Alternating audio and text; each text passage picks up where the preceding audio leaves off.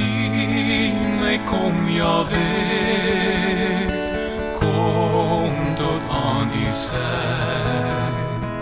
het my in u bloed gewas die bloed gestort Liefdes, die Heilige Gees het teen 'n geweldige dierprys na die verlore mensdom teruggekeer. Dit sou Yeshua se vleeswording, sy sterwe, sy opstanding uit die dood en sy hemelvaart vereis.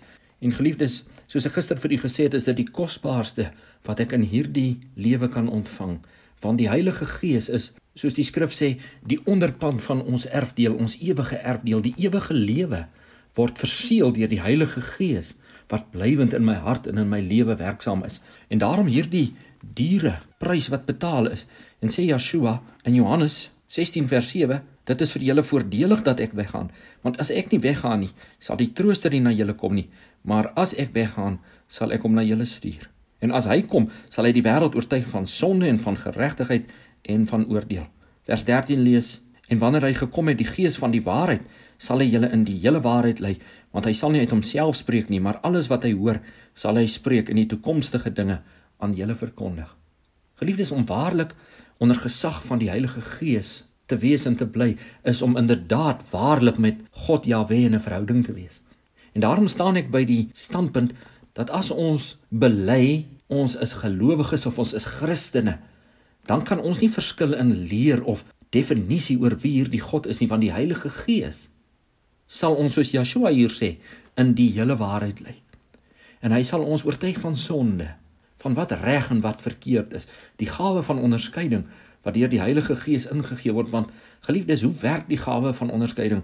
Die Heilige Gees wat oortuig van sonde in lig van wat die woord vir ons leer.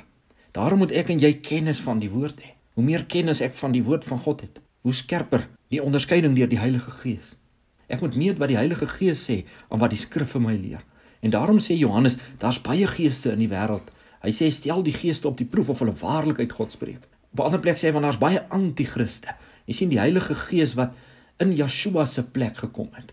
Wat Yeshua in jou en my hart en in die lewe van sy volk verteenwoordig. Die woordjie anti-kris wat beteken in plek van die waarheid.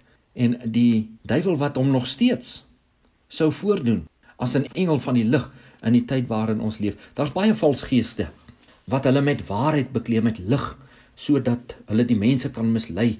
Soveel so soos die profetiese woord sê en in die Openbaring skrywe die groot gruwel of die duiwel wat in die tempel sal sit aan die einde van die dag asof hy God is. Hy sê aan die mense sal agter hom aanloop hierdie dier met sy misleiding oor die wêreld, maar ek en jy moet woordgebonde wees. En dis die probleem vandag binne die Christendom, is dat ons nie die woord ken nie. En is dit inderdaad soos Hosea in die 4de hoofstuk vers 6 sê, my volk gaan ten gronde weens 'n gebrek aan kennis. Wonderlik sal dit wees as dit met ons swaar sal gaan en die Heilige Gees soos in die ou tyd die volk in die woestyn gelei het om die volk se hart voor te berei en ontvanklik te maak vir die woord van God dat hy sê daar sal 'n tyd kom wat my volk sal honger wees nie na brood nie maar om die woord van God te hoor.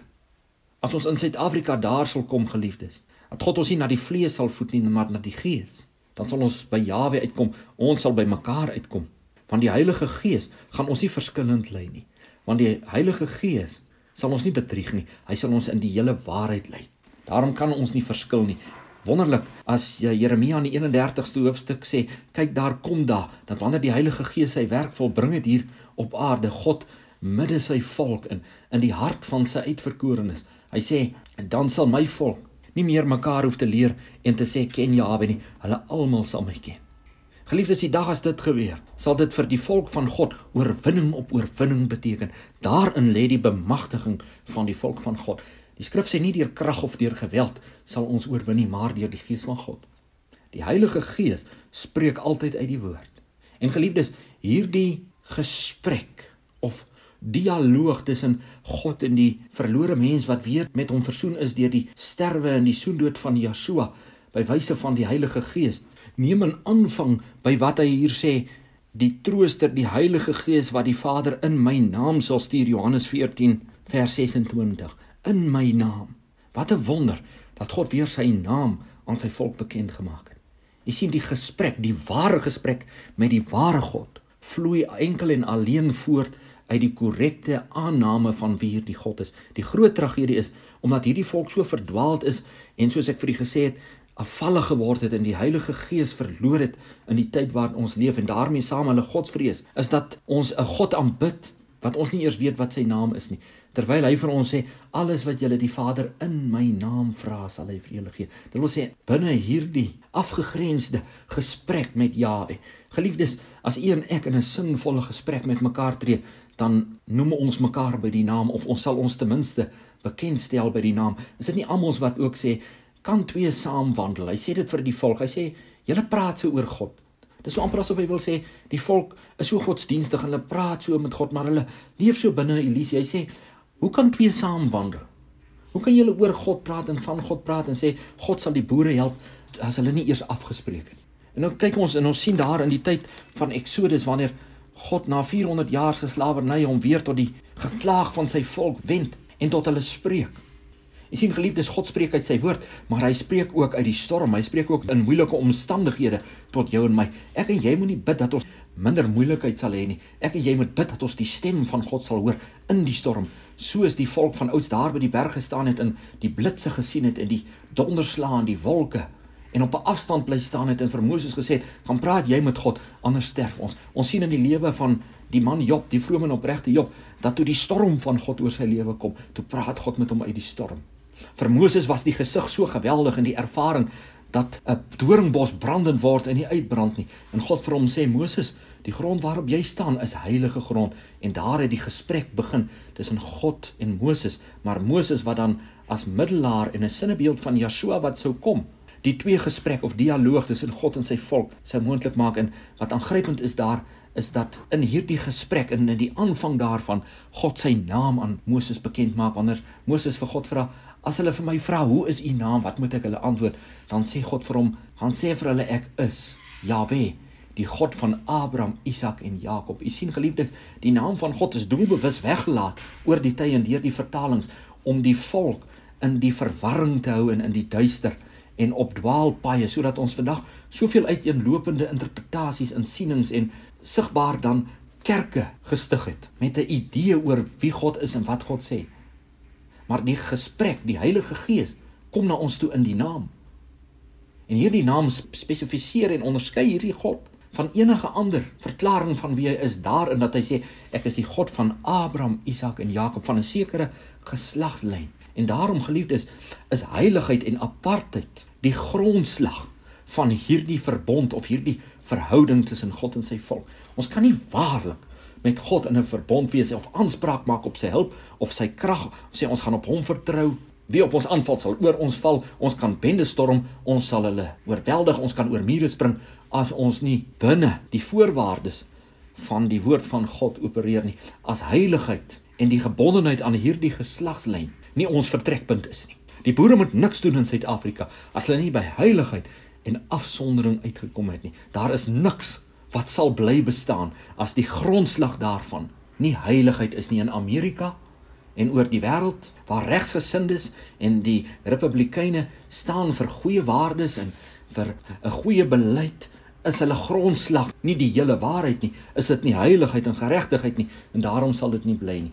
Want die huis wat nie op die rots gebou is nie As die storm oor hom kom, dit gaan oor die wêreld kom, nie net oor Suid-Afrika nie, sal die val van daardie huis groot wees. Maar die huis van God sal vas staan op die top van die berge aan die einde van die dag. Ek glo dis hier in Suid-Afrika, ek glo dit is hier in Sion. En nasies sal toestroom van oor die wêreld en sê Judeese manne, leer ons ook wat die Heilige Gees vir julle geleer het. Leer ons die weë van julle God want wat doen die Heilige Gees? Hy lei ons in die weë van God. Die profeet het voorspel, die Heilige Gees wat ek sal stuur, wat ons in die hele waarheid lei. Hy sal maak dat wanneer ek links of regs wil gaan, ek 'n stem agter my sal hoor wat vir my sal sê, dit is die pad, wandel daarop en dit is 'n smal pad, geliefdes. En daarom moet u en ek baie mooi luister en baie versigtig raak wanneer dit by God kom en by God sake en oor die Bybel. Ons moet Jawe vrees. So man sal nooit wankel op hierdie smal pad nie, sê die skrif want so iemand het 'n groot welbehae aan die gebooie van God. Solank ek en jy aan die woord gebind is, en die woord baie skerp tot my spreek in donker tye. Ja, Dawid sê die woord van God is 'n lamp wat in 'n donker plek skyn, 'n lig vir my voete, 'n lamp vir my pad. Dawid was in baie groot moeilikheid, maar so het Jawe hom sy gebooie geleer. Hy sê: "U gebooie is my raadsmanne." Hy sê daarby: "Ek is wyser as die ou mense." God se dank vir die moeilikheid. God se dank vir die uitdagings. God se dank dat ek kan groei, dat ek kan verbeter, dat ek nie minder moeilikheid kry nie, maar dat ek daarin opgroei in die Godsvrees en kennis van God. Ons dink ons ken God, maar ons ken hom nie, geliefdes. Die Heilige Gees moet ons leer so deur ons lewe en deur ervarings. Ons grootste gebed, moontlik ons enigste gebed, moet altyd wees en bly Jawe. Onttrek tog nie u gees aan my nie. Soos Dawid bid. Hy sê in die grysheid Jawe, verlaat my nie. Hy sê sy grootste vrees hier op aarde, hy baie vyande gehad en hy was in baie benoudheid. Hy sê maar sy grootste vrees is dat Jawe sy gees aan hom sal onttrek. En daarom gaan hy so ver en sê Jawe trek my uit, toets my niere, my hart, as daar by my weg van smart is, lei my op die ewige weg. Lei my, lei my deur u gees. Hy skryf Psalm 23, hy sê Jawe is my herder. Sy stok en sy staf vertroos hom. Dis die gees van God wat hom lei, geliefdes. Hy kan deur 'n dal van doodskare weer gaan. Dan is sy belewenis net nog sterker, sy ervaring met God.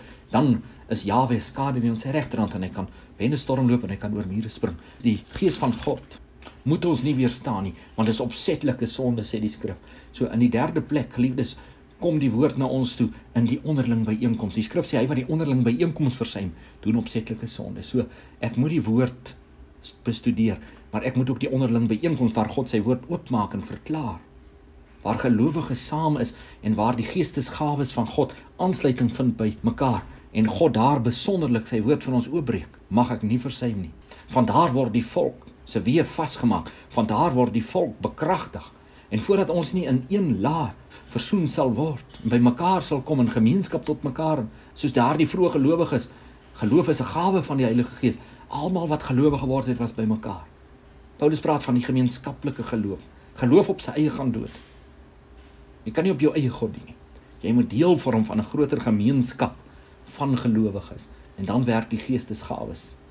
En so word 'n volk bekragtig. So word 'n volk onvernietigbaar en dit moet u en ek verstaan My volk sal dit verstaan op die een van die pad, maar teen 'n geweldige prys.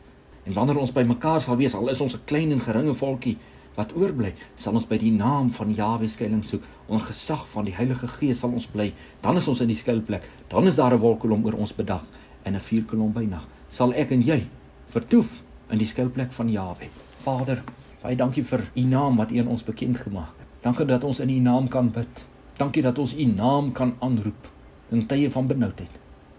Dankie vir die woord wat U oorgelewer het aan ons, dat ons dit het.